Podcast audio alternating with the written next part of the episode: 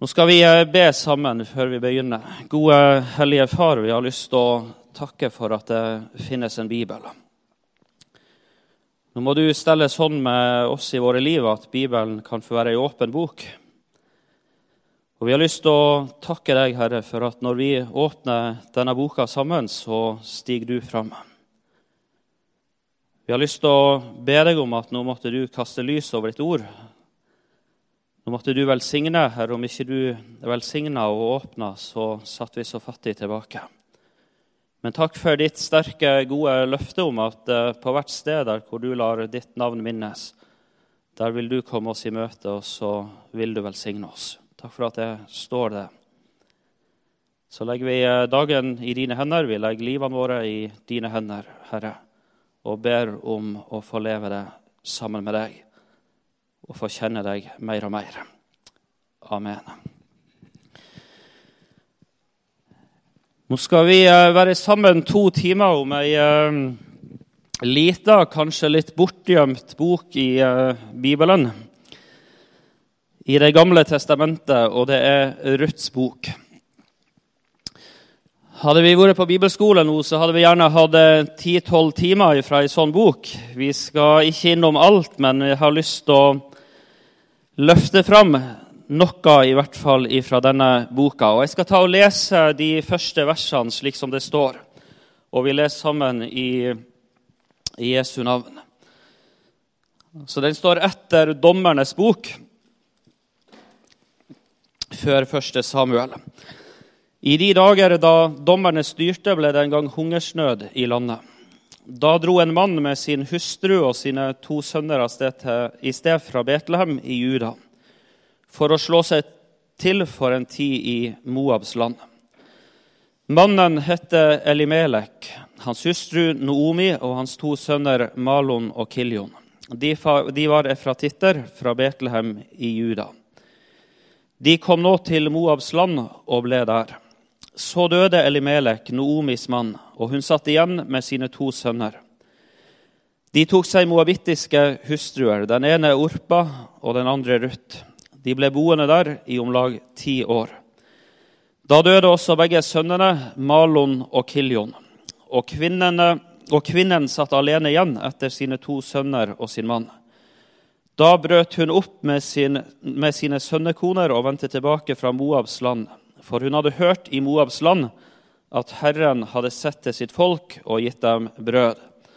Hun dro bort fra stedet hvor hun hadde bodd, og begge svigerdøtrene var med henne. Mens de nå gikk fram etter veien, og så skildrer det første kapitlet ei vandring. Imot et land som var lova dem av Gud sjøl. Den første setninga i Ruths bok den eh, plasserer boka inn i en historisk kontekst. Det står i de dager da dommerne styrte. Og så møter du Noomi, du møter Elimelek, sønnene, og etter hvert Ruth og Orpa også inn i denne historiske sammenheng. I de dager da dommerne styrte. Eh, Dommernes bok avslutter med ei setning. Altså Det er på motsatt side i Bibelen her. Det avslutter med ei setning som på mange måter oppsummerer dommernes tid. Altså tida når dommerne styrte. Tida når, når, eh, når vi møter denne historien om Ruth. Og så sies det på denne enkle måten i Dommerne 21, vers 25.: I de dager var det ingen konge i Israel. Hver mann gjorde det som var rett i hans egne øyne, står det. Sånn oppsummeres tida. Alle gjorde det som var rett, det som jeg synes er rett, det som jeg synes er best. Slik ble liv etter liv etter liv levd. Akkurat som jeg sjøl synes var, var, best. Og så er det kanskje lett å tenke at sånn måtte det vært fantastisk å ha det. Å få levd og få gjort akkurat sånn som jeg sjøl ville. Det er underlig å se det i det lange løp. At denne tida, som preges på et vis at alle gjør det som de sjøl vil, det er den mørkeste, den vanskeligste, den vondeste tida i hele Guds folks historie. Det er underlig, det. Vi er på lang vei inn i ei tid der alt av autoriteter skal løftes bort. Til og med Bibelen skal bort ifra oss. Ingen skal få bestemme over oss. Vi skal gjøre akkurat sånn som vi sjøl vil. Og så tror vi langt inn i de troendes rekker at det må være selve livet. Det må være veien.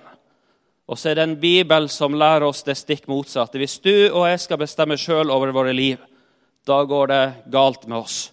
Hvis ingen ledestjerne, hvis ingen bibel, hvis ingen Herre skal få skal få bestemme i ditt og mitt liv, da kommer vi til å havne på ville veier. Vel, Jeg skal ikke si noe mer om det, men det er på et vis bakgrunn, eller historiske, det historiske bildet som Ruths bok tegnes inn i. Så møter vi altså tre kvinner på vandring. Hun ene heter, hun heter Noomi. De andre de heter Ruth og Orpa. Eh, livet har fått hardt med dem. Noomi hun har opplevd at eh, døden har banka på døra. Ikke bare én gang. Først så mister hun eh, mannen sin, Elimelek. Han dør. De er nylig kommet til et fremmed land. Kanskje trengte hun mer enn noen gang tidligere å ha sin mann ved sin side, og plutselig så river døden Elimelek ifra henne. Og Så kan vi ane litt av den sorgen og det savnet som, eh, som bæres inn i hennes liv, der hun sitter igjen som ei enke i fremmed land sammen med to unge gutter, altså sønnene sine, han Malon og han Kiljon.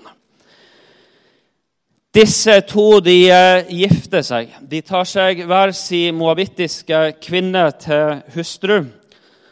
Og Så går det ei stund, og så dør også Malon og Kiljon. Noomi mister også begge sine sønner. Ruth mister mannen sin, Orpa mister mannen sin. Og så er det så forferdelig sårt, så forferdelig vondt i deres liv. Ruths bok sier det at da brøt hun opp Noomi sammen med sine svigerdøtre. Og så begir de seg på vei imot Israel.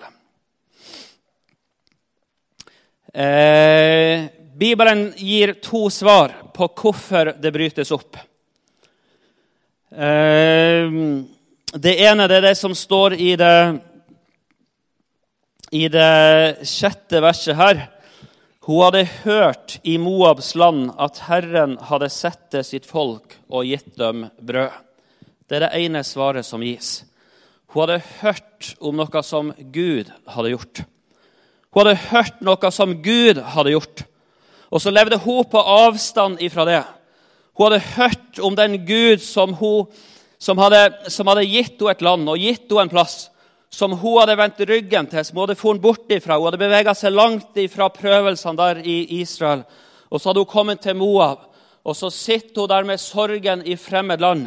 Og så hører hun noe om hva Gud har gjort der hjemme. Og så skapes det en lengsel, det skapes en trang i hennes hjerte som er fullt av så mye sårt og bittert som gjør at hun må bevege seg hjemover i møte med landet og i møte med, med Gud. Sammen med henne så går det to unge enker. Kanskje helt i slutten av 20-årene. Det sier ikke Bibelen klinkende klart. Vi vet i hvert fall at de hadde vært gift noen år. De var fortsatt i fruktbar alder. Men det er i hvert fall to unge enker som er på vei sammen med denne eldre Noomi. På mange måter så er det ganske utrolig at disse begir seg på vandring. Det var sikkert mange som rista på hodet av dem. De forlot all den sikkerheten, den tryggheten, alt det oppmerka de hadde der hjemme. Det var ikke sosiale velferdsordninger som vi kjenner den dag i dag. De hadde livet sitt i Moab.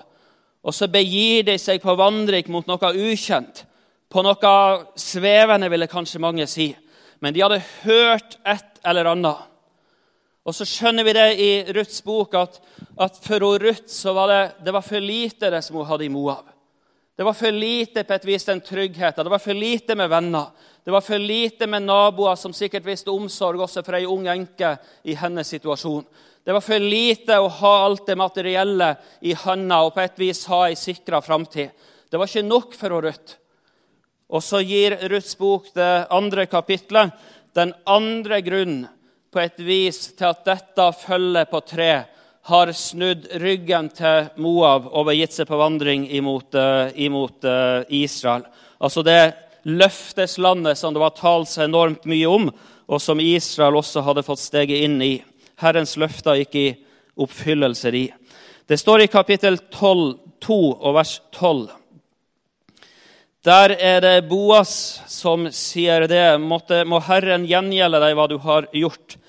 Gi du nå må få full lønn av Herren, Israels Gud, når du nå er kommet for å søke ly under hans vinger. Det sier noe om oppbruddet. Hva er det som gjør at hun Ruth kan vende ryggen til Moab, til det trygge, til det sikre, til livet hun levde, til alle vennene sine? Hun hadde kommet for å søke ly under den allmektige Guds vinger. Hun hadde kommet for å søke ly, søke tilflukt, søke redning. Noe hun ikke fant i Moabs land, noe hun ikke fant i det trygge, gode livet sitt, uansett så sårt det var blitt. Og så må hun på vei imot Noomis Gud, imot Noomis land, for å finne tilflukt under den allmektiges vinger. Bare to eh, korte avsnitt fra Bibelen i den sammenheng.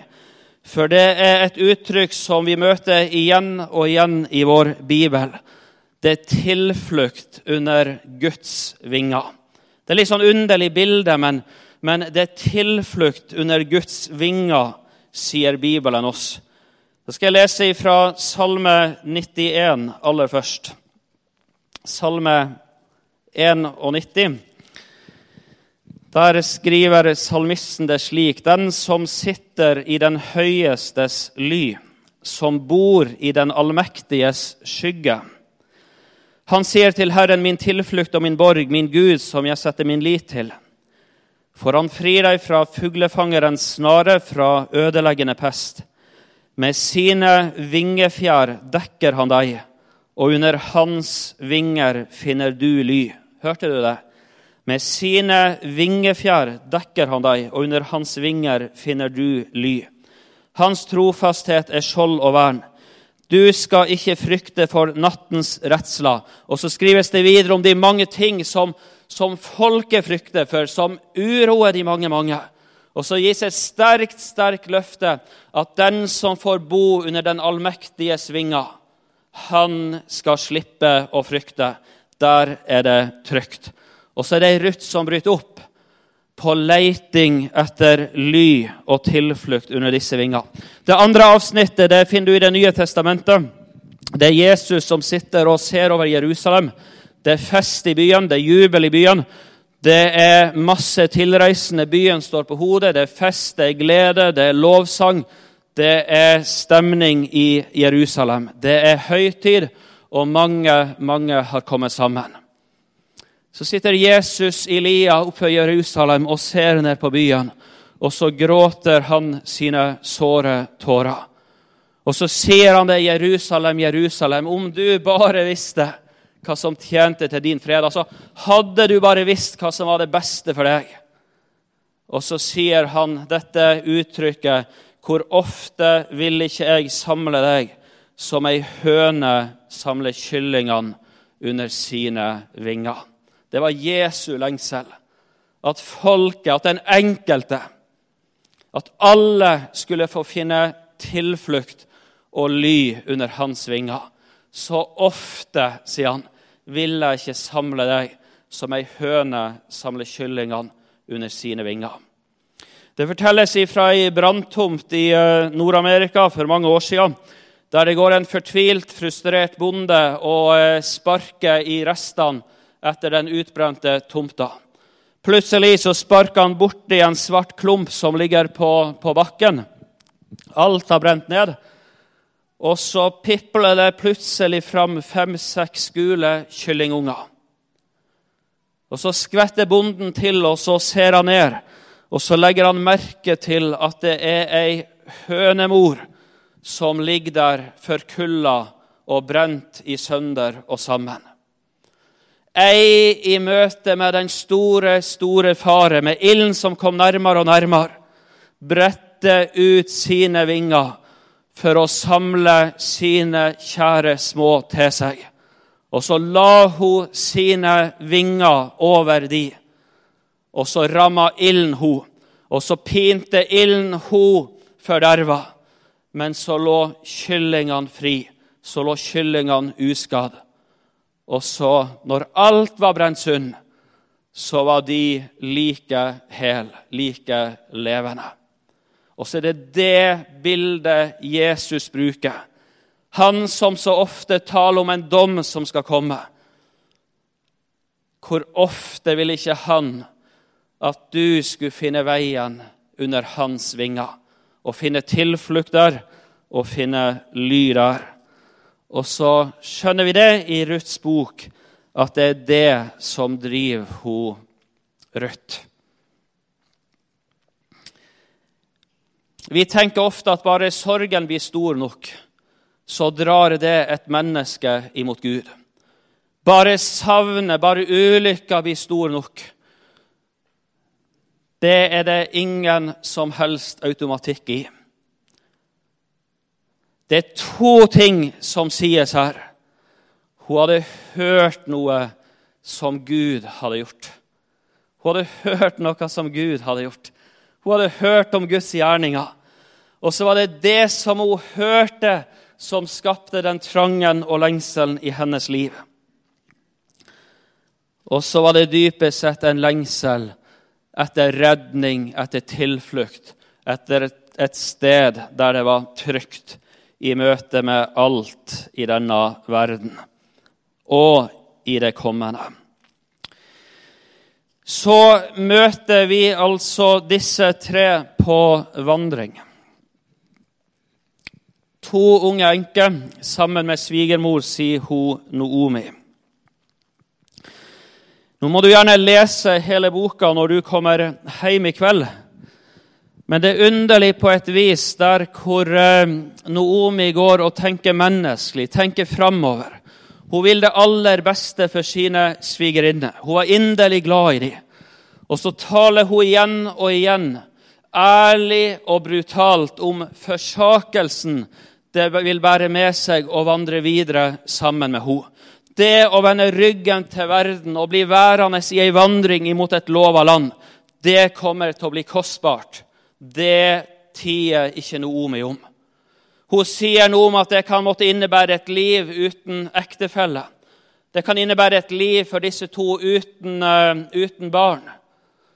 Og så er det noe i Noomi sin nød for sine som hele tida peker tilbake imot den verden som de har forlatt. Skal dere ikke vende tilbake? Vend nå tilbake, sier hun igjen og igjen. Og så møter du de med enkelte sånne veikryss langs veien. Der hvor de først gråter sammen. De går videre. De vil videre imot det lovede land. Disse to moabittiske kvinnene.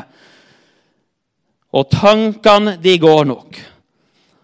Og det de går glipp av der hjemme, det lever nok sterkt, sterkt i dømmes indre.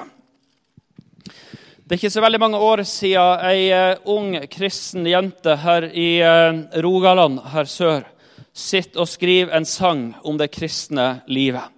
Om sin vandring sammen med Jesus.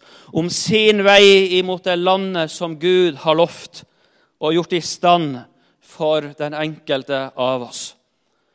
Og så går hennes tanker i møte med prisen, og at det kan bli kostbart å skulle leve som en kristen i denne verden. Og så skriver hun det sånn. Men iblant tårer rant. Jeg så forsakelsen, drømmer forsvant. Det er hennes vitnesbyrd. Når på et vis tanken stanser ved at det skal sannelig bli kostbart for meg å leve et liv på vei imot himmelen.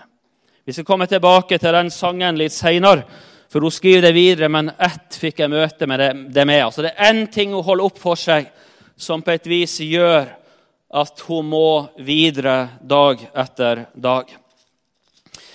Litt ute i kapittel 1 så har Noomi på nytt talt om eh, det sterke, kostbare, tegna forsakelsen tydelig. Og så møter du tre kvinner som brast i gråt. De står og hulkegråter langs veien, inderlig glad i hverandre, vil det beste for hverandre. Og så møter du ei Orpa som kysser si svigermor, som tar farvel med hun og svigerinna si, og så vender hun hjem igjen til Moab.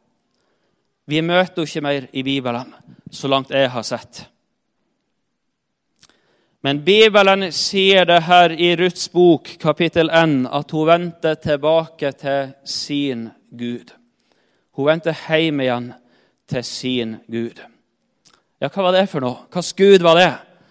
Ja, kan vi kanskje tenke det, det var gjerne et sånn moabittisk trestykke. det. Eller kanskje var det en stor stein som de ofra til og ba til. Ja, det vet ikke jeg noe om. Men jeg vet i hvert fall det er en som heter Paulus, som sitter og skriver med tårer rennende nedover kinnet sitt. Og så skriver han om de mange, mange som lever som fiender av Kristi kors. Som vandrer som fiender av Jesu Kristi kors. Og så sier han de trakter bare etter jordiske ting. De trakter bare etter jordiske ting. Bare opptatt av det jordiske. Bare opptatt av å få karre til seg og nyte og få tak i mest mulig. Og så sier Paulus så sterkt Buken er dømmes Gud. Buken er dømmes Gud.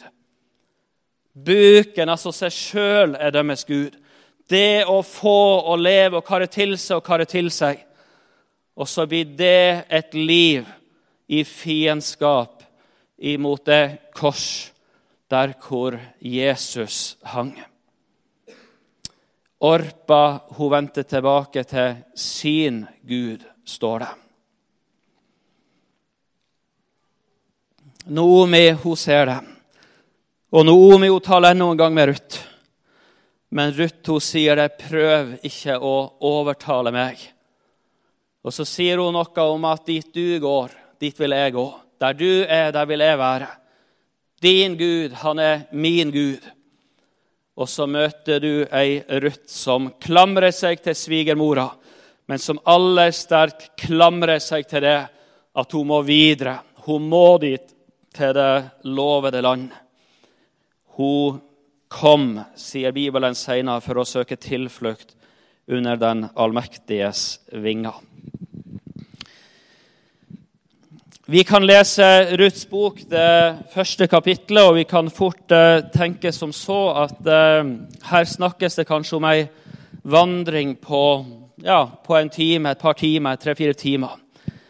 Det var sikkert langt, langt ifra sannheten. Det var langt ifra Moab til Israel. Det var ei lang reise. Det var ei strabasiøs reise. De gikk kanskje der dager, muligens uker. Jeg vet ikke. Det blir ikke sagt så veldig mye.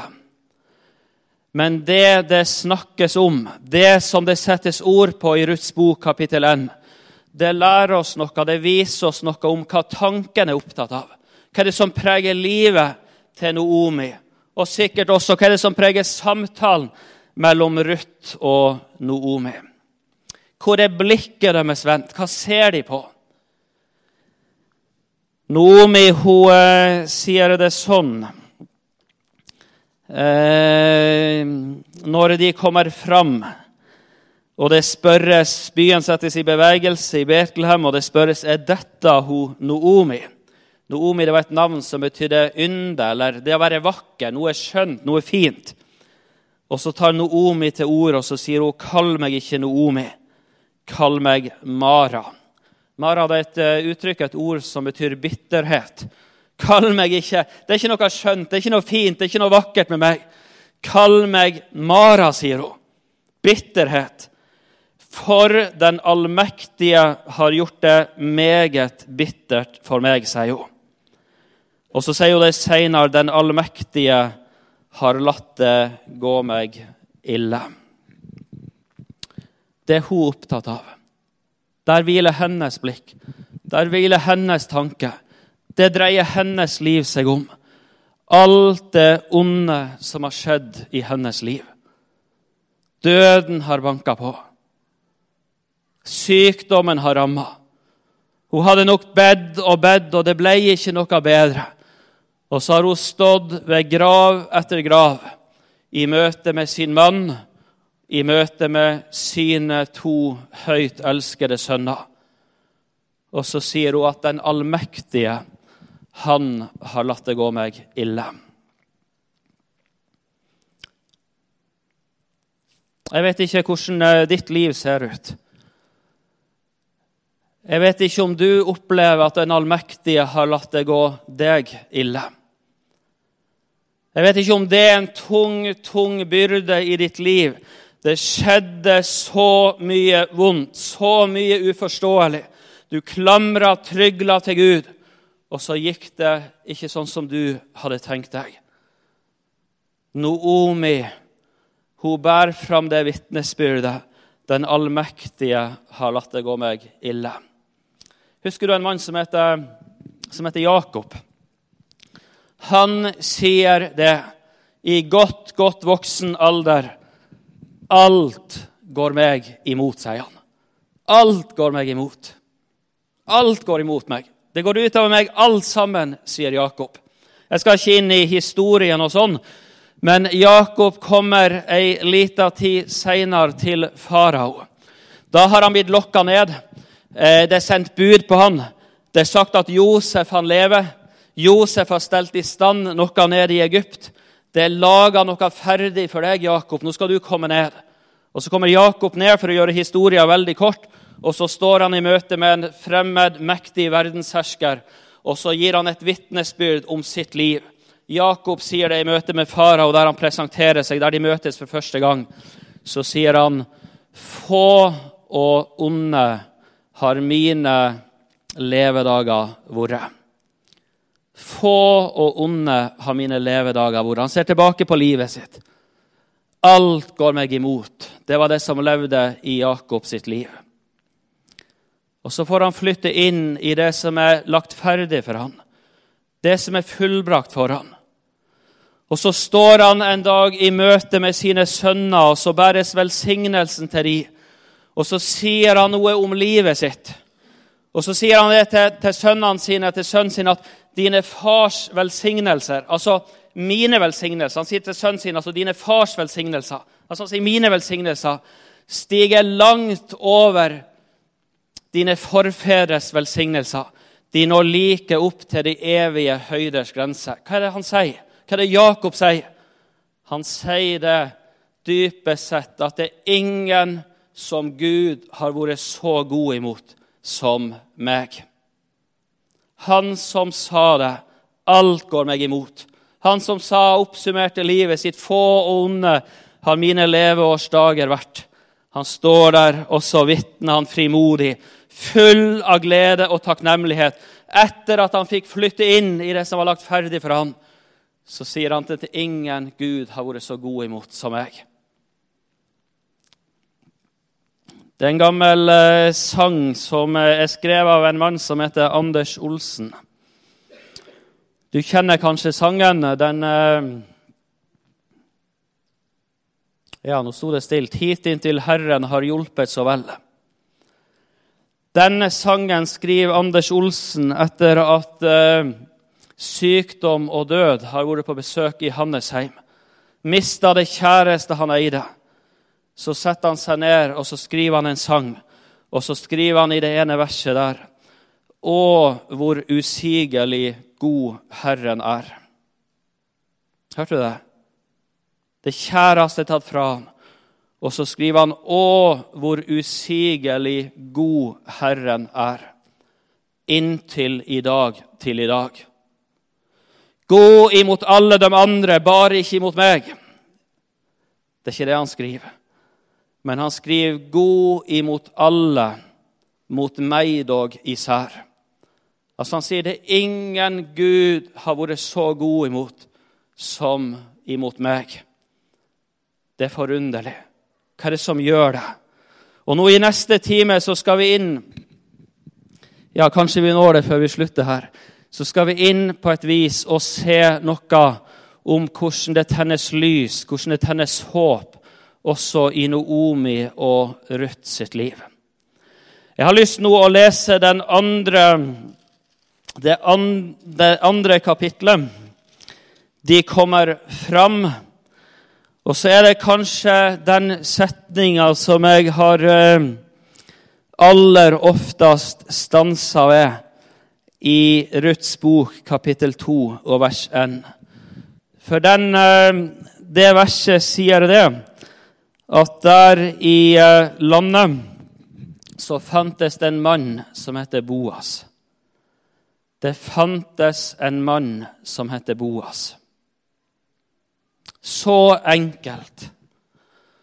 Og allikevel så utrolig avgjørende. Det fantes en mann som heter Boas. Og Det skal vi bruke den siste tida på, å bli kjent med Boas. For Boas han er et sterkt, stille, klart forbilde på Jesus Kristus. Boas han er løser. Han er gjenløser, som kanskje er et litt mer kjent ord for oss. Selv om det kanskje er et ord som vi ofte bruker uten, å, uten på et vis å stanse så ofte med hva, hva er egentlig det for noe. Det skal vi komme tilbake til. Men jeg har bare lyst til å si det allerede nå. Boas han var løser. Hvis du vil bli kjent med Jesus, vil du bli bedre kjent med din gjenløser, så skal du bruke tid her i møte med noen små kapittel i ei lita bok i Det gamle testamentet, der du møter en som står som et klart forbilde på Jesus. Boas peker på Jesus. Og så er det det som forandrer hele Ruths liv. Ikke bare hele Ruths liv, men det forandrer hele Ruths framtid. Det forandrer alt på et vis i møte med Ruth. Ja, På ett vis er de ytre omstendighetene fortsatt de samme. Mannen hennes er fortsatt død. Svigerfaren hennes er fortsatt borte. Det er like ondt, det er like mørkt sånn sett. Men allikevel møtet med denne mannen Det skaper noe, og det gjør noe dypt, dypt i hennes liv. Det fantes en mann som heter Boas. Ja, Du kunne ha tenkt deg en historie videre i Ruths bok. Hadde det ikke vært en mann som heter Boas, hadde det ikke funtes en sånn mann, hvordan hadde det da gått? Jeg vet ikke hva såret du sitter med, hva smerte du sitter med, hva frykt du er på. Men jeg hadde så lyst til å si det en formiddag her i Betlehem. Det finnes en mann som heter Jesus. Det finnes en løser som lever. Det finnes en gjenløser. Det finnes en mann som heter Jesus. Møtet med han, det forandrer ikke bare liv. Det forandrer ikke bare framtid. Men møtet med Jesus, det forandrer hele den mørke evigheten som hvilte på et vis som en dom over det levde liv til den enkelte av oss. Det finnes en som heter Jesus. Det var en mann som heter Boas. Vi skal komme tilbake til det. Det er ett trekk jeg har lyst å bruke litt tid på som ikke står eksplisitt i teksten i Ruths bok, men som likevel må sannsynligvis ha levd på innsida i Ruths hjerte på vandringa. Det må levd der som en byrde, som en stor stein, som en klump i magen hennes. Vi skjønner det at hun, Ruth hun var ikke helt ukjent med det bibelske budskapet. Hun hadde hørt noe fra Israel. Hun hadde hørt noe om Israels Gud. Hun hadde sikkert hørt noe fra Malon, denne kjekke, unge gutten som hun forelska seg så, så hodestups i. Hun hadde hørt noe i møte med svigermor, sikkert på nytt og på nytt. Kanskje aller mest i tida etter at ulykka og døden hadde, hadde ramma. Det er ett vers i eh, Det gamle testamentet, i loven, altså i Mosebøkene, som stengte døra tvert igjen for Ruth. Hun Ruth er på vei i møte med Israel. Hun er på vei i møte med Israels Gud. Og så er det et bibelvers som sto der og sa det, at ingen moabitt skulle ha del i Herrens menighet. Ingen ifra Moab skulle få ha noe plass iblant Guds folk. Det må ha vært det vanskeligste verset i Ruth sitt liv. Døra ble stengt igjen. Døra sto, sto igjen for henne. Det var hennes dype smerte, det var hennes problem. Hun var født moabitt, hun var ei moabittisk kvinne. Og så er hun på vei imot noe, og så leser hun noe i sin bibel eller i ordet som sier at det er ikke inngang, det er ikke plass for ei som hun. Og så er det underlig på et vis hvordan det er skapt noe i hjertet. Likevel så kan hun ikke være i Moab. Det er for lite, det er for smått, det som finnes der. Hun må imot Israel. Hun må imot løfteslandet. Og så står døra stengt igjen for henne. Det må ha vært underlig der hun gikk i sin smerte og alt det vonde. Ser på Noomi som går like bedrøva, like fortvilt. Men hun tenkte allikevel, kanskje i sitt indre, i sitt stille sinn, at det er nå ikke så farlig for hun Noomi i hvert fall. Hadde jeg bare kunnet vært som hun Hun er jo født jøde. Hun er jo, hun er jo ifra landet. Hun hører hjemme der. Vi kommer til, til, til grensa. Hun slipper inn. Men hva kommer til å skje med meg? Du er på vandring imot himmelen. Bærer du på en sånn redsel i ditt liv? Skal jeg få komme inn?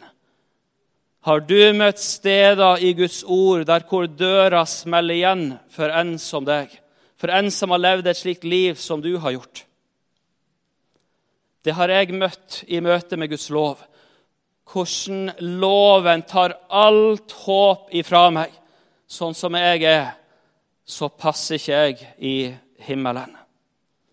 Det er noe i Bibelen som eh, ofte kalles for lastekataloger. Det er ei oppramsing på et vis av enkelte ting som er selve kjennetegnet, kanskje. Eller ikke kjennetegnet, men i hvert fall det ramses opp noe, det sies noe om livet til de mange, mange som blir liggende på utsida av en stengt himmelport, som skjærer tenner og gråter i evighet. Og så leser jeg noe om disse, disse ordene som sier noe om hvordan livet deres er. Og så går det opp noe forferdelig vondt i min erkjennelse. Og det er at det er jo akkurat mitt liv som skildres i sånne ord. Det er jo sånn mitt liv er. Det står ikke bare om menn som ligger med menn, men det står om de som er pengekjær, de som er pengegrisk, de som har så vanskelig for å styre tunga si, de som baktaler. Og så brukes det så mange ord som jeg vet at det er jo akkurat sånn som mitt liv er. Og så kan ofte uroen komme, og undringer. Så kan jeg se på andre i den kristne forsamling. Så kan jeg tenke at det ikke er farlig for dem som, som har lyktes og fins, som, som, er så fin, som er så from, som er så, som er så annerledes enn en meg. Og så er fristelsen til å snu, til å gi opp hele greia, til å vende tilbake, til å bli som alle de andre her i denne verden. Du høyrer de dårende røyster som lover deg gullglim og glans, står det i en gammel sang som sier noe om at det er ingen som kaster lys over veien, over livet, som Jesus og kjærligheten hans gjør det. Har du lest ord i Bibelen som stenger døra for deg? da har jeg lyst å si det enda en gang. Ruths bok, kapittel 2, vers 1. Det fantes en mann som heter Boas. Det finnes en mann som heter Jesus. Som åpner døra for den som ingen adgang hadde. Jesus han kommer deg i møte, åpenbaringa 3,8, og så sier han, se, jeg har satt foran deg ei åpnet dør. Ikke ei åpen, men ei åpna dør. Ei dør som var lukka, som var stengt, som var igjen. Som ingen av oss hadde makt til å åpne. Men så kommer det en i møte med deg og meg, etter ei tom grav. Og så sier han, 'Se, jeg har satt foran deg ei åpna dør.' Ei dør som ingen, ingen, ingen kan lukke. Og så skal vi videre i Ruths bok. Og så skal vi møte en historie som tegner et bilde av ei Noomi og ei Ruth som får bli bedre og bedre kjent med denne Boas, denne løseren, denne gjenløseren. Kapittel 2 sier det at Boas hun tar tidlig ut på åkeren for å lete etter korn. Hun går der. Eh, vers 3 sier det sånn Hun kom og sanket aks på åkeren etter høstfolkene. Nå traff det seg slik at den åkeren hun sanket på, tilhørte Boas, som var av Elimeleks ett. Da kom Boas nettopp fra Betlehem. Og Så møter han høstfolkene sine. Og så møter han ei fremmed kvinne der. Han ser Ruth på åkeren.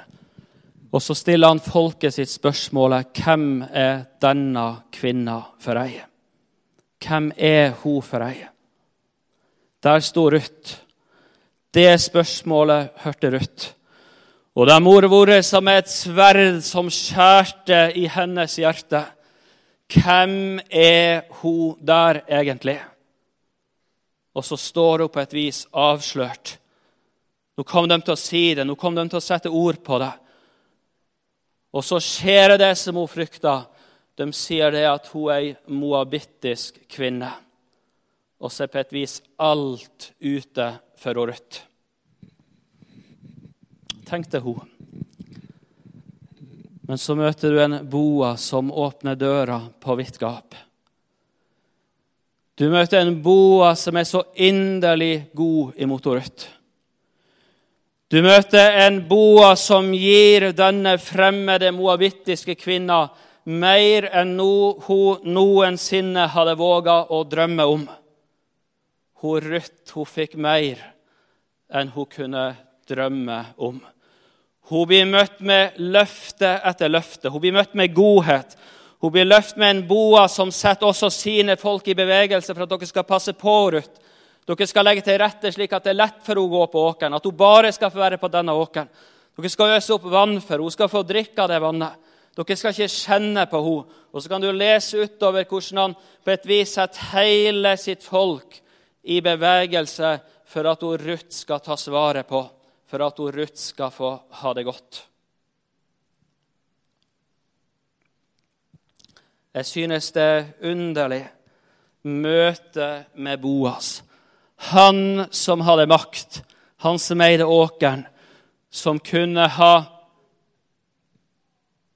kasta henne ut, som kunne skjelt henne ut, som kunne bedt henne om å ryke og reise hjem igjen til, til Moab, der hun hørte hjemme.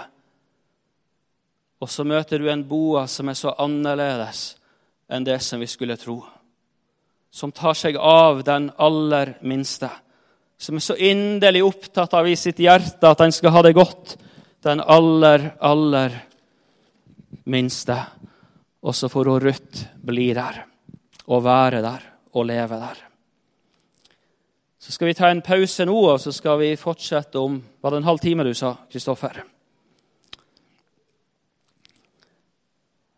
Vi møtte altså disse tre som var på vandring. Ei som snudde på veien, som vendte tilbake til sin gud i Moab og disse to andre som nådde fram.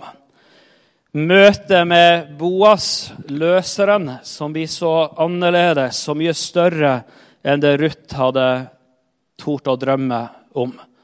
Hun som står der og tenker at nå er alt slutt. Hun er ei moabittisk kvinne, sa de. Døra var stengt for henne.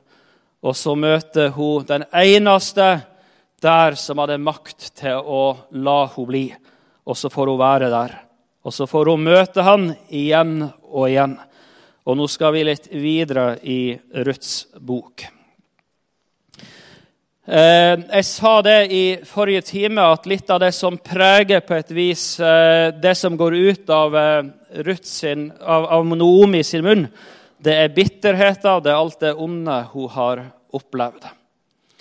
Og Nå sier jo Bibelen det at det som går ut fra vår munn, det er, det er, det som bor i vårt hjerte. Det er det som hjertet er opptatt av. Der du har skatten din, der vil også hjertet ditt være, sier Bibelen. Og så er det voldsomt fort at på et vis oss sjøl blir sentrum i våre tanker, i våre hjerter. Alt det onde, kanskje det urettferdige, det uforståelige som vi møter i livene våre, det blir sentrum. Det blir samtaletema. Det blir det tanken igjen og igjen kretser om. Nå ser vi utover i Ruths bok at det skjer noe. Det er noe annet som får plass i samtalen. Det er noe annet tankene dreier seg mer og mer om. Eller rettere sagt, det er én annen som tankene stanser oftere og oftere for. Og det er han Boas. Nå skal jeg bare lese noen eh, små vers først fra kapittel 2. Det står i vers 19. Når hun kommer tilbake når hun har med seg hjem det som han Boas har gitt henne, når hun får dele med sin svigermor, Naomi, som sitter i, i dyp, dyp nød. Er, lyden veldig høy, forresten? Går det greit? Hvis ikke, så får dere bare skru der. Men hun kommer, og så får hun dele litt av det som hun sjøl har fått av, hun, av han Boas. Og så står det sånn i vers 19. Da sa hennes svigermor til henne, altså 2.19.: Hvor har du sanket i dag, og hvor har du arbeidet? Velsigna være Han som tok, deg, tok, seg av deg. Og Ruth hun fortalte sin svigermor hvem hun hadde arbeidet hos, og sa den mannen jeg har arbeidet hos i dag, heter Boas. Den mannen som jeg har vært hos i dag, han heter Boas. Han som har tatt seg av meg, han som har gitt meg, han heter, han heter Boas. Og så er det på et vis noe som tennes i, i Noomi sitt liv. Hun visste noe om denne Boas. Hun sier noe om denne Boas, hun sier at den mannen han er en av våre løsere. Hun forbinder et eller annet med den mannen. Hun har hørt noe om han. Samtidig så aner vi det at, at det er en som har levd fjernt, fjernt, fjernt borte fra hennes daglige virkelighet. Og Så kommer Ruth og så sier hun, noe om en dag, et møte med en mann som har vært så utrolig sterkt, flott. Og så har hun fått med seg det som hun hadde fått av han. Den mannen jeg har arbeidet hos, som jeg har møtt, han heter, han heter Boas. Og så renner det noe i livet på den gamle, fattige, triste enka Noomi. Og så sier hun den mannen han er, jo, han er jo en av våre løsere. Og så begynner disse to å snakke sammen om løseren. De begynner å samtale med hverandre om Boas. Hvis du blir med inn i, eh, inn i vers 21, så står det Da sa Ruth, moabittkvinnen, han sa også til meg Altså, Han sa også til meg. Det indikerer det at hun har sagt noe før om hva som han har sagt til henne. Så står det han sa også til meg. Enda noe mer som Ruth må fortelle. Jeg synes det er forunderlig. Hun har en sånn trang til å fortelle svigermora si om Boas. Og så skjer det noe. Og så møtes de på nytt. Ruth og Boas. Og så møtes Ruth og Noomi igjen. Og så eh, leser vi f.eks. i eh, verset 16 Da hun kom, altså 3.16, da hun kom til sin svigermor, altså Ruth, da hun kom til sin svigermor, spurte hun hvordan har det gått deg, min datter? Og så tok hun opptatt, hvordan har det gått deg? Hvordan gikk det i møte med Boas i dag, Ruth? Hvordan har det gått deg, Ruth? Og så har hun sittet hele dagen i spenning og venta. Og så står det altså om Ruth, og hun fortalte henne alt det mannen hadde gjort mot henne. Jeg synes det er underlig å lese. Legge merke til. To i ytre nød, med sår og smerte og savn i sitt liv, som har vært så prega av bitterhet og de onde tankene. Og så begynner de å snakke sammen om løseren, om gjenløseren. Og så blir det på et vis borte. Du leser ikke mer i Ruths bok om hvordan de bærer fram vitnesbyrd om bitterhet og vonde ting og alt det onde. Omstendighetene var akkurat de samme som ytre sett. Fortsatt var, var de borte, de de var glad i. Men det er noe nytt som tar plassen. Tenk om vi kunne lære av Ruth og Noomi på det planet.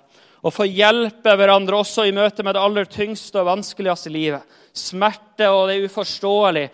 Og kunne, kunne nærme hverandre og så, og så si noe om om hva jeg har møtt hos gjenløseren, hva han har sagt til meg, hva han har gjort for meg. Ja, Det er noen som tenker det at, eh, at det, det passer liksom ikke inn. Hva er det slags sjelesorg i møte med den ytterste smerte? Ja, jeg har lyst til å si at det er den beste sjelesorg. Det er det beste vi kan få sette ord på. Husker du han Jobb som satt der i sin nød og i sin lidelse? og Det er tre stykker. og De tre var ikke noe treskaller, det skal du være overbevist om. De var viden kjent for sin, for sin visdom. Han Sofar og han Bildar og, eh, og han siste Hva han heter igjen? Ja, samme det. Så kommer det i hvert fall tre stykker til han og sitter der. Og på et vis endevender hele Jobb sitt liv og sitt indre. Bare du gjør det, Jobb, så skal det bli så mye bedre. Bare du får bekjent litt mer synd, så skal det bli så annerledes. Bare du er enda mer ærlig og oppriktig i møte med Gud, så skal det bli så annerledes.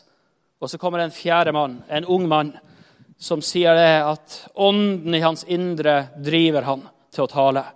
De andre de hadde sagt at 'mine tanker legger meg svar i min munn'. Min visdom, min, min forstand forkynner meg, forkynner meg på et vis svaret. Og så hadde de stått og forkynt og forkynt ut ifra sin egen tanke.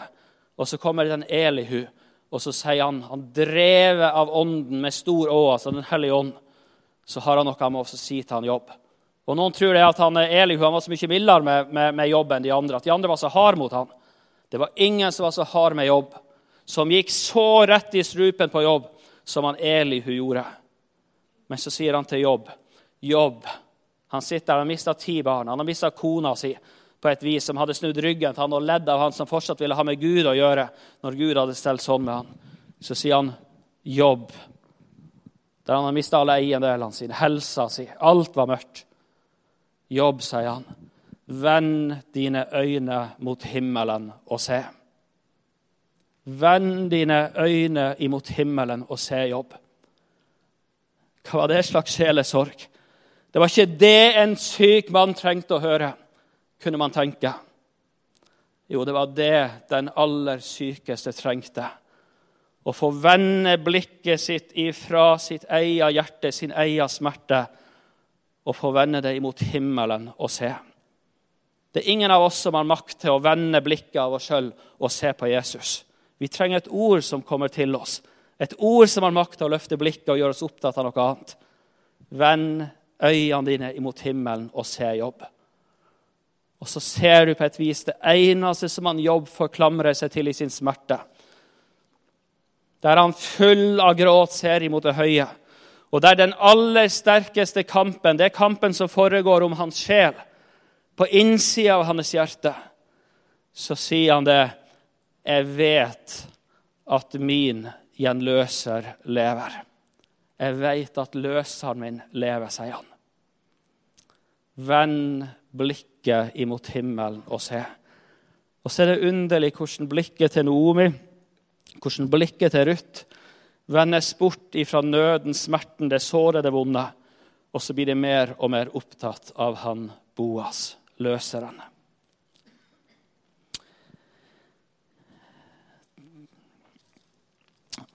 Hun fortalte henne alt det mannen hadde gjort imot henne. Han sa også til meg, kolon. Og så siteres, så siteres det noe.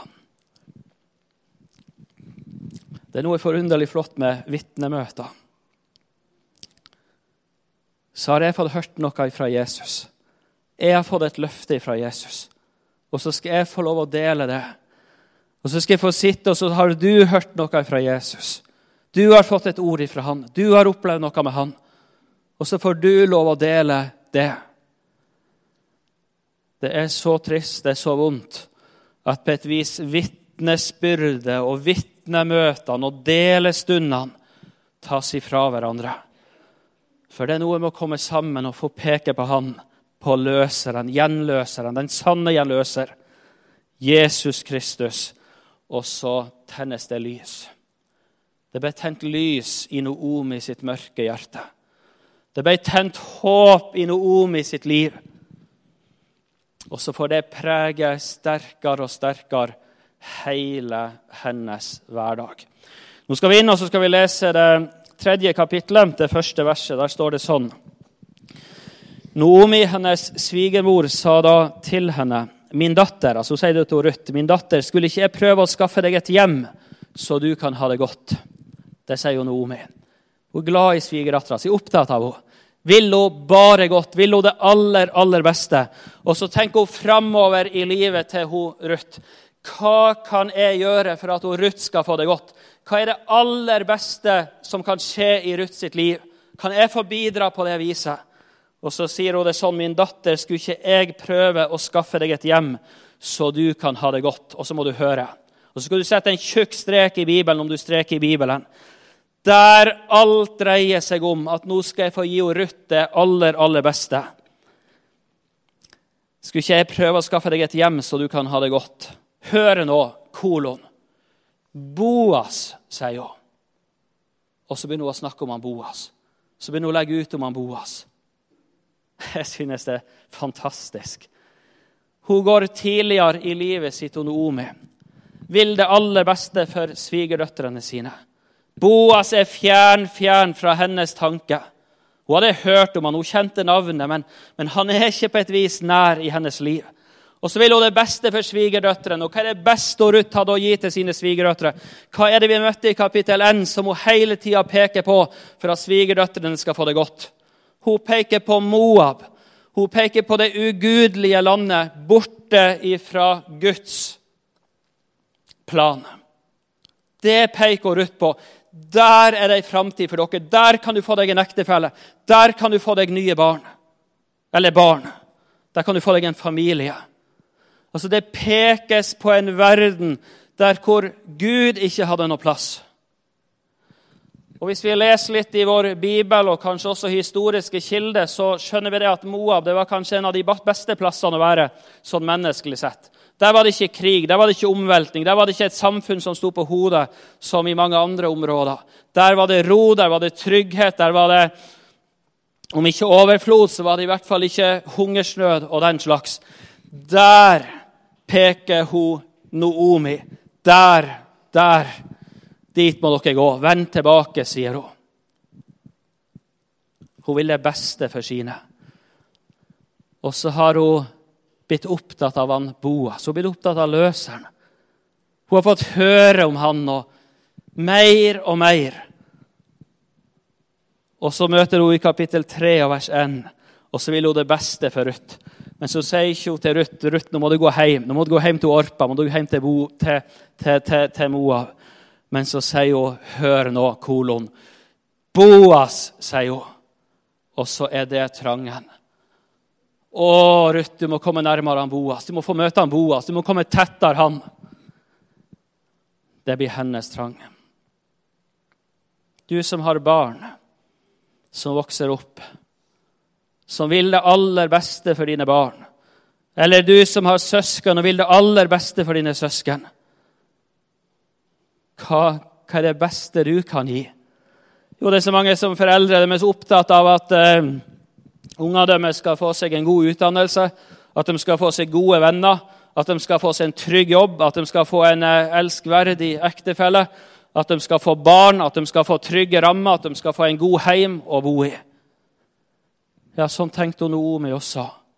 Men etter at hun hadde fått et fornya møte ved å høre om løseren, så var det altfor lite for hun Noomi.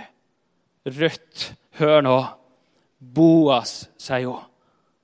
Du må komme nærmere han, han Boas. Er du opptatt av det, du som er far eller mor? Du som er storebror eller storesøster? At du må få komme nærmere løseren, gjenløseren. Eller er alle dine råd prega av lykke og velstand og trygge omgivelser? Det er bare et fornya møte med Jesus som på et vis kan gjennomsyre våre råd, slik at mennesker ledes imot Jesus, gjenløseren. Det var en eh, ungdom uh, i Sør-Amerika som levde i fattige kår.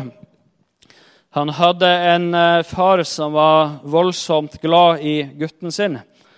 Og han, eh, Gutten han bærer fram et ønske. Det er én ting han ønsker seg overalt i verden.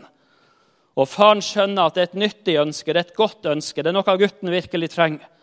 Og Han har spart sammen i, uh, gjennom noen måneder, og til slutt så har han penger nok. og Han har bestemt seg for at nå skal han fare, og så skal han kjøpe det som gutten drømmer om. Så reiser han på Fiesta Christiana den helga. Det er sånn uh, de har i uh, blant indianerne, altså en kristen fest, et storstevne der de samles rundt fra bygdene til oppbyggelse, til forkynnelse, sang og bønn. På den fiesta christianan så får han far et nytt møte med, med Jesus. Han kommer så glad hjem. Han Har fått et forsterka møte med, med Jesus. Og så står han noen dager seinere i møte med ungdommen sin og så bærer han gaven inn i livet. Men så var det ikke, var det, ikke det ungdommen drømte om. Men der lå det et gavekort med tre ukers opphold på bibelskolen oppe i Sokre. Og Ungdommen han setter seg kanskje mer eller mindre motvillig på lastebil og sitter 18 timer på lasteplan for å komme seg fram til Sokre.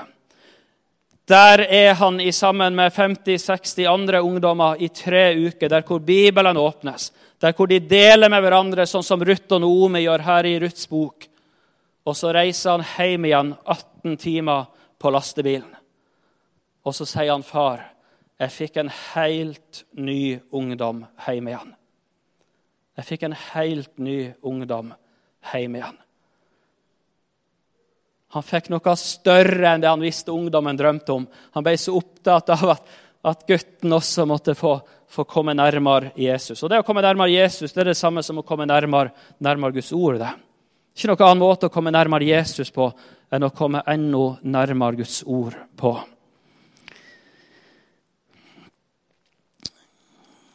Vi møter Ruth litt lenger ut i eh, kapittel 3. Der har hun på, Ruts, på Noomi sitt råd bevega seg i møte med Boas. Boas ligger og sover. De har eh, kost seg i løpet av dagen, Boas og høstfolkene. Og så, og så har han lagt seg til å sove ved kanten av kornåkeren, denne Boas. Dit finner Ruth veien, og så legger hun seg nede ved foten til, til Boas. Altså på yttersida av teppet, helt nede ved foten til Boas. Og så legger hun seg der. Og så våkner Boas. Og så skvetter Boas til. Og så lurer på hvem i all verden er det som ligger der. Og så sier Ruth hvem hun, hvem hun er. Vers 9. Han sa, 'Hvem er du?' Hun svarte, 'Jeg er Ruth, din tjenestepike.' Og så kommer den stille, sterke bønna som var sett som overskrift over denne siste timen. Bre teppet ditt over din tjenestepike. Det sier hun til Boas. Bre teppet ditt over meg. Det er hennes bønn i møte med løseren. Bre teppet ditt over meg. Det er fem ord. Og det er ei bønn du skal få gjøre til di bønn i møte med Jesus Kristus. Bre teppet ditt over meg. Hva er det hun Ruth ber om? Hva er det hun Ruth egentlig ber om? Hun ligger der ved hans fotern, og så sier hun, bre teppet ditt over meg', sier hun. Vi møter ei Ruth i kapittel 2 som har fått nyte godt av Boas gaver. Igjen og igjen, i overflod. Mer enn hun drømte og hadde, hadde kunnet drømt om. Ei som har hørt så vennlige ord ifra Boas. Ei som har fått møte så mye hos Boas. Men så ligger det ei der, og så ber hun denne stille, enkle bønna bre teppet ditt over meg. Og det vitner om noe veldig sterkt. Det vitner om at Boas sine gaver var for lite for henne. Det vitner om at det å få vasse på et vis i Boas godhet sånn ytre sett, det var for lite for henne. Hun måtte tettere på han Boas. Og det å bo, be han Boas om å bre teppet sitt over henne, det var egentlig en uhørt bønn. Ei fremmed moabittisk kvinne uten noe som helst rett, som loven hadde stengt døra for, og så, og så be Boas bre teppet ditt over meg. Det var, det var ei uhyrlig bønn, sånn ytre sett. Men troa ber sånn allikevel. Bre teppet ditt over meg. Og det er ei bønn om å få høre Boas til. Det er ei bønn om å få bli ett med Boas. Det er ei bønn om å få være sammen med Boas. Det er ei bønn om ikke bare Boas sine gaver, men det er ei bønn om Boas sjøl. Bre teppet ditt over meg. Det er en, sang som om, eh, en sanger som skriver noe om livet sitt, om år der han skriver om da han bare søkte Guds gaver. Men så sier han om giveren, men nå har du blitt alt for meg. Husker du Mefiboset, han som, han som mista på et vis kongen sin? Kongen dro fra han, han ble svindla, lurt og bedratt. Og Så lever han i dyp sorg. Kongen er borte fra han, David er borte fra han, og Så kommer David igjen. Og Så sier David noe om hva han skal få. Han og han andre skulle dele det. Nå skal du få, nå skal du få, sier kongen. Og så sier Mefiboset han kan bare ha det alt sammen. Nå har Herren, min konge, kommet hjem igjen med fred. Og så var det nok for han Mefiboset. Det å få være sammen med kongen. Gavene det fikk så være, men det var det å få være sammen med kongen. Det var det som ble om å gjøre for han. Og det er det som er om å gjøre for ei Ruth. Når hun ligger der og trygler, brer teppet teppet ditt over meg. Jeg sa at den bønna skal du få lov å gjøre til de. Jesus gjenløseren, han har et teppe. Det teppet bærer forskjellige navn i Bibelen. Det teppet kalles for rettferdighetens kappe. Det teppet kalles for frelsens drakt. Det teppet kalles for eh, Jesu rettferdighet. Det teppet kalles for bryllupsdrakten. Han har et teppe. Og så møter du ei som står der og sier, 'Bre teppet ditt over meg.' Og så sier hun ikke noe om hvem hun sjøl er.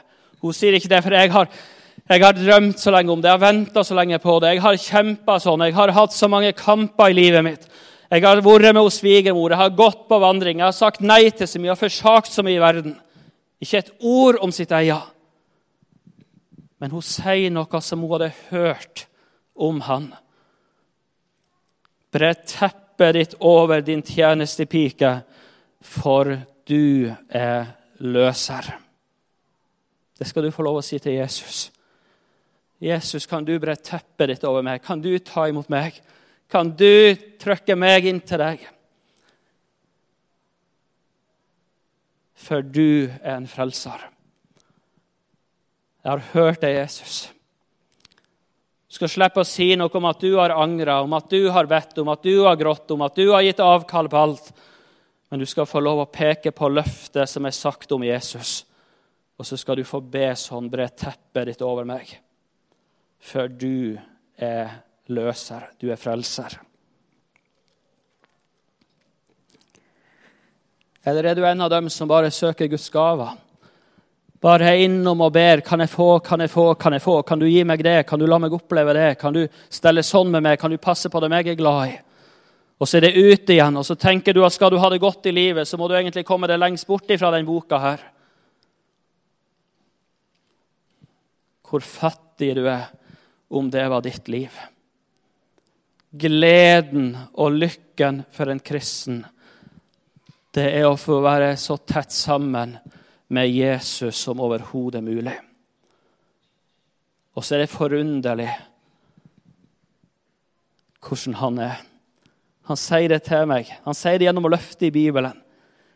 Se her, tett ved meg er det et sted. Still deg der på klippen. Er du en av dem som ofte må ha noen på en sånn armlengdes avstand? Redd for at de skal spise deg opp, kreve for mye av deg, bli for innpåsliten. Greit, du ønsker å hjelpe og være god, men, men det må være en viss avstand. Du finner ikke spor av det i Guds hjerte. Det er hans trang å få deg så tett, så tett som mulig.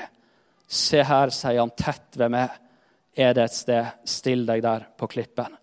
Og Så lærer Det nye testamentet også at den klippen den åndelige klippet som fulgte Israel, det var Kristus sjøl. Det var Jesus. Og så er det Guds vilje for ditt liv. Så tett, så nær.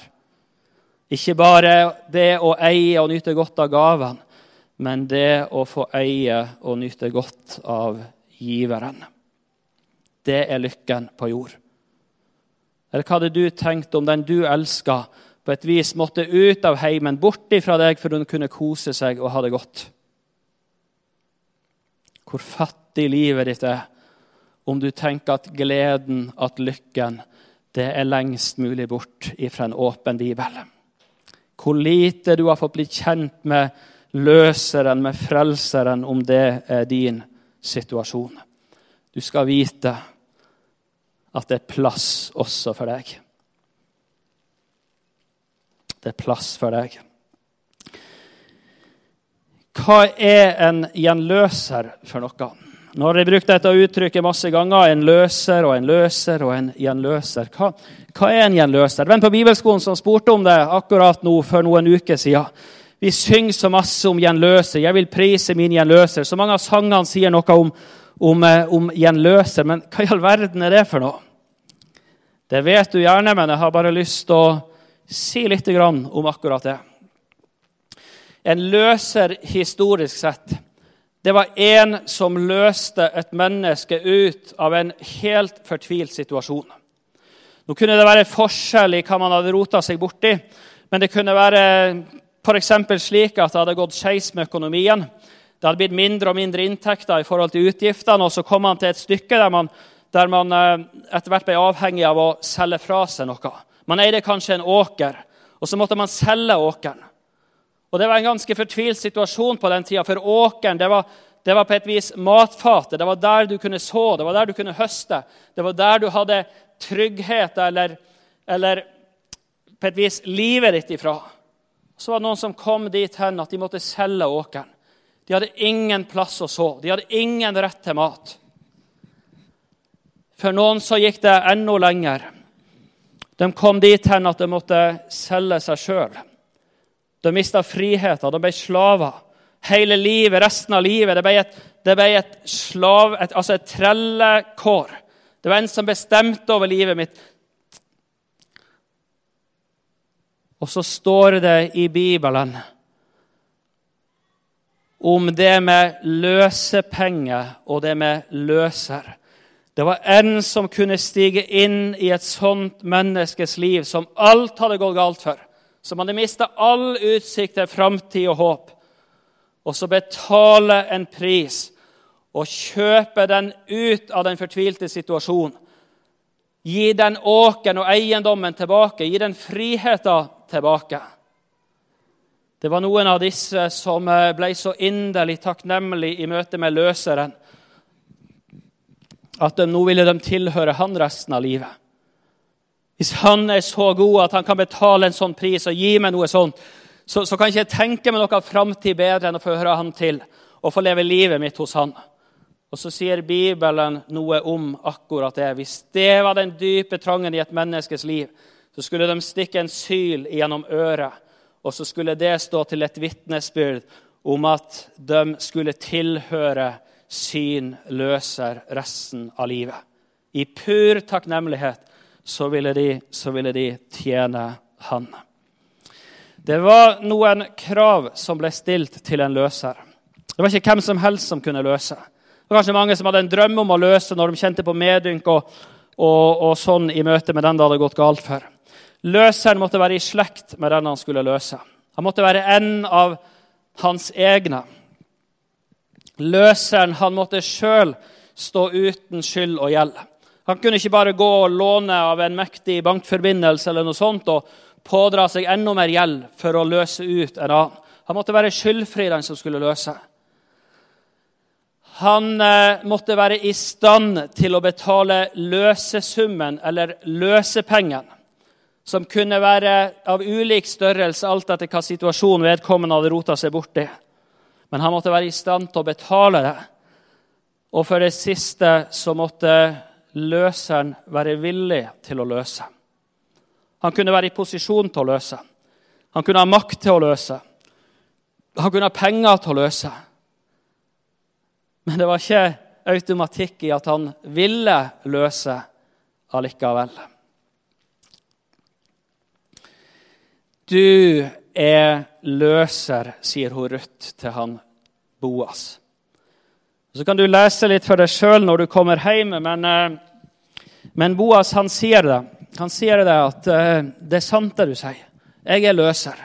Men så sier han her historisk at eh, det er en som er nærmere enn meg. Og nå, nå skal jeg gå og snakke med han. Hvis han vil løse deg, så skal han få løse deg. Hvis han ikke vil løse deg, så skal jeg løse deg, sier han Boas. Og Så går han Boas bort, og så går hun Ruth hjem. Og Så møtes Ruth og Noomi igjen. Og så skal vi ta med oss ett vers her i Ruths bok. Der står det sånn i kapittel 3, vers, eh, vers 18. Eh, Men hun sa altså Noomi sier til Ruth, hold deg nå i ro, min datter, til du får vite hvordan saken faller ut. For den mannen, altså Boas, hviler ikke før han får saken avgjort, og det allerede i dag. Det er et underlig bilde som teksten på et vis maler for oss. Der er det ei som har fått et løfte. Det er ei som har møtt en som har sagt 'jeg skal ta ansvaret for deg'. Og så kommer hun hjem, og så blir det sagt til henne at 'nå skal du få hvile', 'nå skal du få holde deg i ro', 'nå skal du få være stille', 'nå skal du få vente'. Det er en som går ut for å avgjøre din sak. Det er en som går ut for å ordne opp for deg. Og han hviler ikke. Han blir ikke trøtt, han blir ikke utmatta. Han hviler ikke før saken er avgjort. Det er sånn underlig. Det er nesten som et sånn ekko som roper imot meg fra 2. Mosebok 14, 14, som sier 'Herren skal stride for dere', og dere skal være stille for Han. Nå skal du få være rolig, nå skal du få være stille. Det er en som vil ordne din sak, som vil ta din sak. Sies det til hun Ruth. Menneskets situasjon, din og min situasjon, det er at vi ble født inn under lovens forbannelse. Det er kanskje vanskelig å ane og skjønne hva det er. Men lite grann aner vi av det. Vi er født under en stengt himmel. Vi er født med menneskeslektens skyld og skam. Vi er født uten materiale i oss til å kunne forbedre vår egen situasjon. Bibelen sier at den skyld som vi har pådratt oss, den er av en sånn karakter at det finnes ikke ett menneske på denne jord som er i posisjon til å løse oss ut. Salmene sier det at, at, hans, at, at, av, at utløsninga er for dyr. Og så sies det om den som gjerne skulle ønske å løse, at han må avstå derfra til evig tid. Altså, han kan ikke løse. Men så tegner også Bibelen et vidunderlig bilde av en Gud som elsker deg så skitten, så syndig, så ugudelig som du er. Før verden ble skapt, så møttes Fader, Sønn og Hellig Ånd. Da var det rådsmøte i himmelen. Da var det bare én sak som sto på dagsorden, og det var hvordan du skulle bli frelst. Hvordan du kunne løses ut. Hvordan ikke det skulle bli din framtid, ei evighet i en fortapelse borte fra Gud. Og så er det en uh, tysk salmedikter som heter Paul Gerhard, som har skrevet en sang der han tenker seg inn i dette gamle stabsmøtet. Og så, og så skriver han det sånn, der hvor frelsesplan fattes og gås igjennom ned til den minste detalj. Og det tales om prisen. Løsepengen. Det var prisen for å løse ut. Det var pengen som, som måtte betales. Og så skriver Paul Gerhard det sånn, der hvor Faderen henvender seg imot sin sønn. Og så skriver han det sånn. Den dom er grufull ut å stå, men verdens frelse står derpå. Min sønn, vil du den bære? Vil du virkelig, Jesus? Vil du virkelig stige ned? Det er en grusom dom. Men verdens frelse, Jan Tore sin frelse, din frelse, står der på. Det eneste alternativet som finnes. Min sønn, vil du den bære? Og Så tenker denne tyske salmedikteren seg en voldsom stillhet i himmelen, der hvor sønnen reiser seg og tar til orde, og der det svares på det viktigste spørsmålet som er stilt. Det eneste som kunne forandre din og min situasjon. Han kunne sagt nei, ikke tale om. Å, det er så flott her i ditt nærvær. Det er så flott med engler, jubel og sang og glede. Det er så flott med renhet og godhet på alle plan. Men så reiser han seg, og så sier han ja, kjære far, av hjertets grunn. La skje som du vil skikke. La komme kun den bitre stund jeg dødens kalk vil drikke. Når alle piner vises frem, han svarer gjerne. Hvert lem er rede til å lide. Når alle piner vises frem, han svarer gjerne. Hvert lem er rede til å lide. Og så kommer han. Så kommer Frelseren ifra himmelen. Og så kommer han, og så sier han om seg sjøl i Markus 10, 45. Menneskesønnen, et annet ord om Jesus. Menneskesønnen, altså jeg, sier han. Menneskesønnen er ikke kommet for å la seg tjene, men for selv å tjene og gi sitt liv som en løsepenge i mange steder.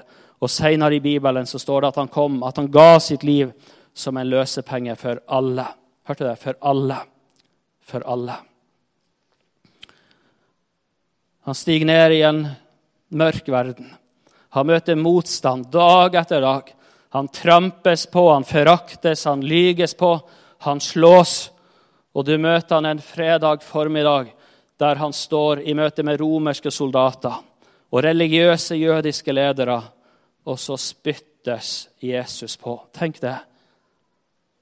Han som var sentrum for all lovsang, han spyttes på. Husker du hvem det var som skulle spyttes på? Husker du hva Bibelen sier om det? Hvem var det som skulle stilles fram og, og spyttes på? Hvem var det spyttklys han skulle hagle over? For det sa Moseloven noe om. At det mennesket, det skulle stilles fram. Det skulle spyttes på. Husker du hvem det var? Det var den som var i posisjon til å løse, men som ikke ville løse. Den som ikke ville gi avkall på sitt eget, den som ville holde fast på vis sine egne rettigheter. Den som hadde mulighet, men som ikke ville løses. Han skulle stilles fram for menigheten, og så skulle han spyttes på til forakt. Og så står den ene, den eneste som var villig til å løses. Og så er det han de spytter på. Så er det han det gjengjelder på en sånn måte. Og så er det en ting det som vi tror gjerne er sentrum i Jesu lidelse. Det er det langt ifra. Men de romerske soldatene sin vrede og folket sin vrede Jesu lidelses sentrum. Det møter du de tre timene når det er mørkt på Golgata. Når han er alene og møter Guds vrede over all den synd, den likegyldighet, de forsømmelser som var i din og min livshistorie, som Jesus hadde tatt ansvar for. Der rives hans sjel i stykker. Der gir han sitt liv, sitt legeme og blod, som løsepenger for at det skulle kunne være mulig å stige inn i livet ditt og si at veit du det, jeg har satt foran deg ei åpna dør. Inn til Guds hjerte, inn til Guds himmel, inn til Guds nåde. I kapittel 4 så møter du Boas i samtale med denne andre løseren som jeg nevnte. Og Den andre løseren som får høre om, eh, om Elimelek, som har dødd i Moab, og som var i slekt med han, og om åkeren og alt det her som var borte. Han sier det at 'ja, jeg skal løse', jeg skal løse. Og så sier Boas det. Men vet du, hvis du skal løse, så følger de moabittkvinne med på kjøpet. Da må du også ta hun Ruth til deg. Da må du ta hun til ekte. Da må du avreise et avkom som kan bære Elimeleks navn videre i verden. Da må du, da må du ta ansvaret for Ruth. Husker du hva som skjer? Husker du hva som da skjer? Da er det en som rister på hodet. Da er det en som synes at prisen blir for høy. Da er det en som sier nei. Da må jeg gi avkall på mitt eget. Da går det utover meg, meg sjøl. Og så sier han nei, så vil han ikke løse. Men det fantes en mann der i landet som heter Boas. To n. Denne setninga som vi kommer tilbake til igjen og igjen. Det fantes en mann. Og så løser Boas Horut ut. Løsepengen blir betalt. Løsepengen den hadde flere funksjoner. Jeg har sagt det at det var prisen som ble betalt. Og så har jeg lyst til å nevne en annen ting som Bibelen sier om løsepengen i 2. Mosebok kapittel 30. Det er det at løsepengen det var det som gjorde at et menneske kunne få ha navnet sitt skrevet i Israels barns manntall. Altså De førte liste, bøker, register over hvem som hørte hjemme i Israel. Hvem som hadde del i alle løftene, alle privilegiene. Hvem som skulle nyte godt av alt det som var lovt til folket. Den som hadde mulighet til å betale løsepengen. Han fikk navnet sitt skrevet inn. Og løsepengen ble betalt, så ble navnet ført inn. Det var noen store ulykker. De samla og samla livet igjennom. Fikk aldri nok. Det finnes et himmelsk manntall. Det finnes noen himmelske bøker. Jesus sa det i møte med disipler som hadde vært på utreisehelg og kommet gledesstrålende tilbake. Gled dere ikke over at åndene har vært dere lydige. Gled dere ikke over alt dere har opplevd, sier han.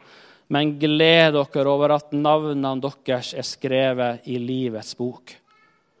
Der løsepengen ble gitt for et menneske, der ble navnet ført inn i Israels manntall. Jesus ga sitt liv sitt blod som en løsepenge for deg. Så må jeg få lov å si litt om den prisen. Jeg har lyst til å si tre ting kort om Jesu blod. For første Peter sier det at det var ikke med forgjengelige ting, det var ikke med sølv eller gull at vi ble kjøpt fri, men vi ble kjøpt fri ved Jesu dyrebare blod tre ting om det blodet. Det ene det er verdien av blodet. Verdien av offeret, verdien av løsepengene. Det er ofte vi blind for. Det skjønner vi så lite av.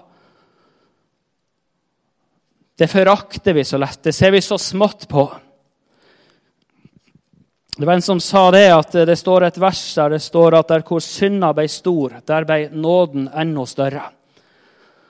Og så er kanskje det et vers som mange kjenner seg igjen i. Synda ble så stor.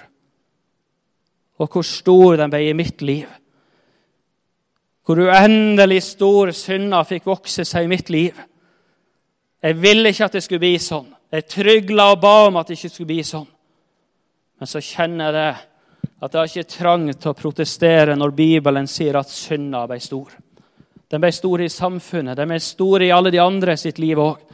Og så blir det så vanskelig og tøft å være menneske. Så sårt, så smertefullt. Men så står det at nåden ble, litt, ble, ble større. Og Så sier han at man tenker seg at, at synda ble så stor. Men heldigvis ble nåden litt større. Og så har vi det håpet at det skal også være nok for meg hvis nåden ble litt større. Det er ikke sånn forholdet er. Og så vet jeg ikke om du kjenner navnet på en av våre kirkefedre som heter Johan Arnt. Han har skrevet ei svær murblokk av ei bok som heter 'Den sanne kristendom'. Og så skriver han der om eh, verdien av Jesu offer. Og så bruker han et bilde for å få fram et forhold. Han sier at tenk deg at alt det du skyldte Gud, hadde gjort Gud imot, det var som ett øre. Som et eneste øre. Og Det sier han ikke for å bagatellisere at det er smått, det som er gjort. Det er forferdelig skyld. Men han bruker det bildet for å få fram et forhold. Så sier han det som om at du skyldte Gud ett øre. På grunn av alt det du er og har gjort, har sagt og har tenkt, har forsømt og har unnlagt. Alt det du er. Det er som om du skyldte Gud et øre. Og så kommer Jesus, og så betaler han, og så løser han deg ut. Ikke med ett øre ikke med ti øre, ikke med 100 kroner. Men det er som om at du skyldte Gud ett øre, sier Johan Arnt. Og så kommer Jesus, og så betaler han med 10 000 tønner med gull. Ett øre imot 10 000 tønner med gull. Tror du det er nok betaling for at det skal bli lys og himmel og framtid på deg? Tror du det var godt nok for Gud? Ett øre imot 10 000 tønner med gull. Vet du, Da begynner jeg å ane litt av verdien av Jesu offer. Og Johan Arnt han er fullstendig klar over at det ble ikke betalt med sølv eller gull. Så mye penger fantes ikke i verden. Det ble betalt med blod på Golgata. Men han sier det for å få fram forholdet. Hva løsepengen virkelig dreier seg om. Og vet du, Da blir det sannelig håp, også for en simpel stakkar som han som står her framme i dag. Da kan det bli en himmel på meg, fordi at den løsepengen, den brakte Jesus Gud. To ting til om Jesu blod. Det ene det er det at Jesu blod det renser. Jesu blod renser fra all synd. Jesu blod renser fra det skitneste, simpleste, mest ugudelige i livet ditt. Jesu blod renser fra all synd. Alt urent som kommer i kontakt med Jesu blod, det blir rent. Det blir fullkomment rent.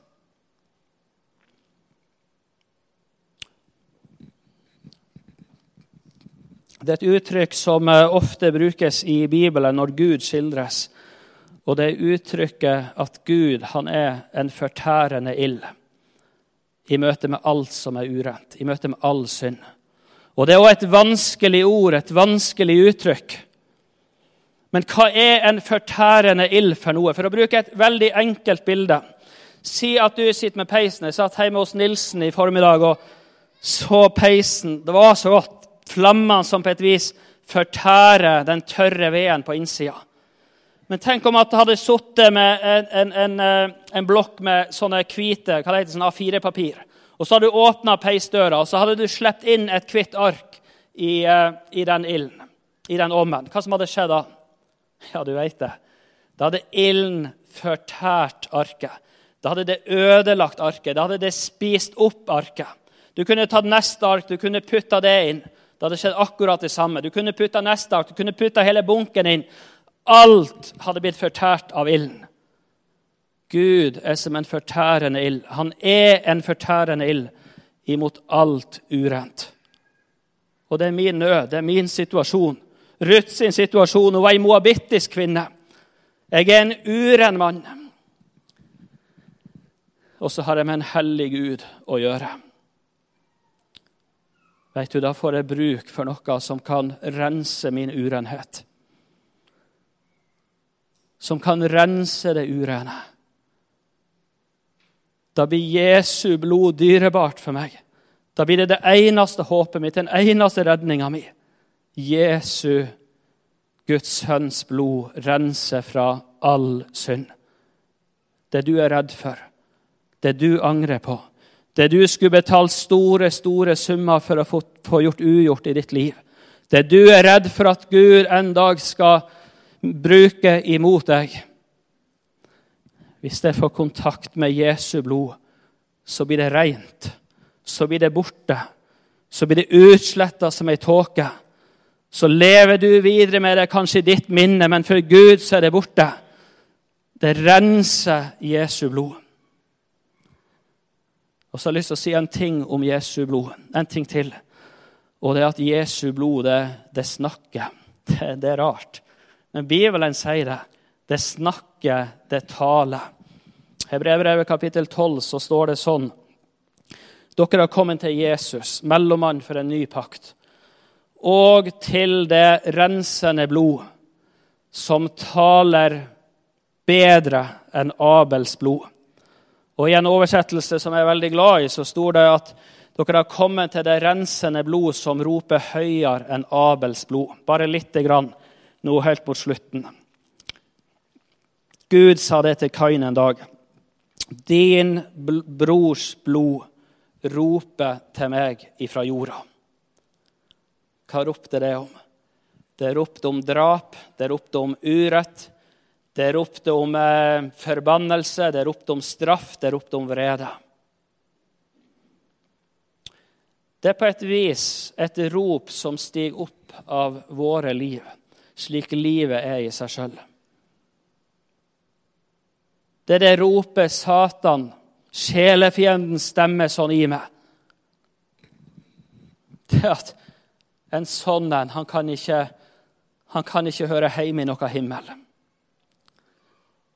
Det ropes om urett, det ropes om misgjerning. Det ropes ifra mitt liv om at jeg så mange ganger har gitt blaffen i Guds vilje. Enten jeg visste hva som var rett og galt, så ga jeg blaffen. Jeg gjorde min egen vilje. Det roper blodet mitt om, eller livet mitt om. Så sier hebreerbrevet dere har kommet til det blod som roper høyere enn Abels blod. Jeg sto på en flyplass på et tak i eh, Bolivia en gang. Sto og prata med en kar. Vi var inne i en intens samtale. Og etter hvert som vi hørte langt borte at jetmotorene ble tent på et svært fly som skulle ta av, så ble det at vi snakka høyere og høyere inn i øra på hverandre. Og til slutt så måtte vi nesten stå og rope til hverandre. Men så skjer det at plutselig så fer flyet forbi. Og så hører du dette brølet av jetmotorene som er på full gass. Og alt det vi måtte rope eller prøve å si, det drukna i et rop eller i en lyd. Et rop som var høyere. Og så er det det bildet Bibelen bruker, uansett hva som ropes ifra ditt liv. Det å komme til Jesus, det å komme til det blod som roper høyere. Hva roper Jesu blod om? skal du høre hva sangene sier. Jeg syns sangboka er en fantastisk andagsbok. Der står det de røde blodstråper fra Golgata roper om nåde og frelse for deg. Blodet rop, rop om nåde, blodet rop om frelse. Blodet rop om at det er betalt. Er det rart at Jesu blod prises og synges om? Nå skal vi slutte helt kort tilbake til, eh, til Ruths bok. Nå har jeg brukt tida vel så det. Nå venter jeg at noen stemmer i en sang, men uh, bitte litt helt til slutt. Hør på Boas. Hør på Boas.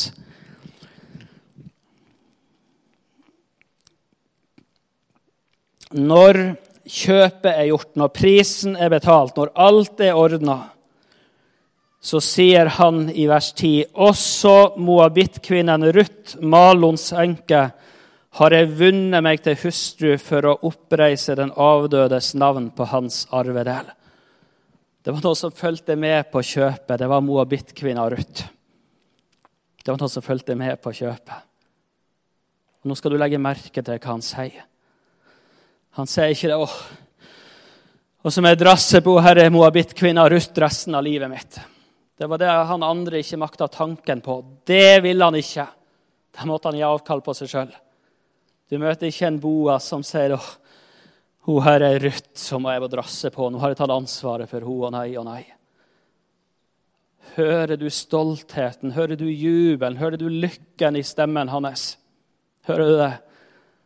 Når han sier også moabittkvinna Ruth har jeg vunnet meg til hustru. Og så løfter han henne opp, og så peker han på henne, og så sier han det at hun er blitt min hustru. Ja, så godt at det var en mann som heter Boas i landet. Vet du hva Jesus sier til deg? Gjennom Høysangen kapittel 4 og vers 9, gjennom brudgommens munn, som et bilde på, på Jesus, vår brudgom. Du har vunnet mitt hjerte, min søster, min brud. Du har vunnet mitt hjerte med et eneste øyekast. Du har vunnet hjertet mitt. Kan du ta den setninga med deg hjem ifra himmelen, ifra løseren, ifra Jesus? Du har vunnet hjertet mitt hvor glad han er når han sier det. 'Du har vunnet hjertet mitt', sier han. Han sier ikke 'du har vunnet medfølelsen min'. Tenk deg at du går på byen forbi en tigger, og så sitter kanskje ei dame fra Romania en sånn dypt fattig i nød. Du synes synd på, du opplever at her reises det noe i ditt hjerte. Du har lyst til å hjelpe, du har lyst til å være medfølende mot henne. Og så gir du henne en 50-lapp. Eller kanskje du virkelig var god, at du bladde opp 10 000-lapper og la i handa på henne. Og så gikk du videre, og så følte du deg from og god. Og så takka du for at du hadde fått mye penger som du også kunne gi henne. Ja, var det noen måte å hjelpe på? Forandra det hennes liv? Det forandra dagen hennes og neste uke til henne? Men kunne du tatt henne med deg og tatt henne i handa, løfta opp, sagt nå drar vi hjem til meg? Dekt bordet, latt henne få sitte ved, ved bordet ditt. Redd opp den fineste senga du hadde hjemme, og sagt her skal du få lov å sove leda henne inn i dusjen, gitt henne nye klær, vaska, at hun fikk vaska av seg alt. Kunne du gjort det? Ikke for å sende henne på dør dagen etter. Ikke for å la henne vært ei uke, og så måtte hun lete seg om i, i nye eh, områder å bo. Ikke kjøpte hun aviser med masse boligannonser. Men at hun skulle få bodd der resten av livet ditt. Ligget i den beste senga, spist ved bordet ditt hver eneste dag. Alt hun gjorde galt, det måtte du svare for. Det var en mann som heter Boas. Også moabittkvinna Ruth fulgte med på kjøpet. Den Jesus som gjorde det i møte med deg og meg. Han ga ikke bare litt kraft eller litt styrke og gikk forbi, klappa på skuldra og ønska lykke til. Nei, han kalte deg til brud, til å være hos han. Og Nå skal jeg helt til sist bare lese det som står i Ruth 4, så skal jeg gå ned. Og Nei. Ja, det er snakka om løseren. Hun har møtt Noomi igjen, Ruth. Alt er ordna, alt er avgjort. Da sa kvinnene til Noomi, står det i vers 14, lovet være Herren som ikke lot deg mangle en løser i dag. Må han få et kjent navn. Åh, må han få et kjent navn. Må løseren få et kjent navn. Alle, alle må se. Den herlige frelser jeg eier, må alle, alle han se. Må han få et kjent navn i Israel. Må han få et kjent navn i Bergen. Må han få et kjent navn i Andesfjellene. Må han få et kjent navn. Og så det siste løftet. Det skal du få ta med deg uten at jeg vil si noe om det. Hør hva som sies om han. Han skal bli din sjels trøster. Han skal bli din sjels trøster og din alderdomsforsørger. Trenger du en sånn? Han heter Jesus. Takk, Jesus, for at du kom. Takk for at du kom for oss, Jesus.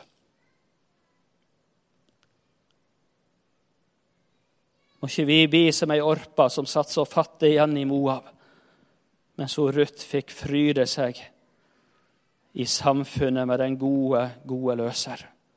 Jesus, må det få bli vårt liv i sammen med deg.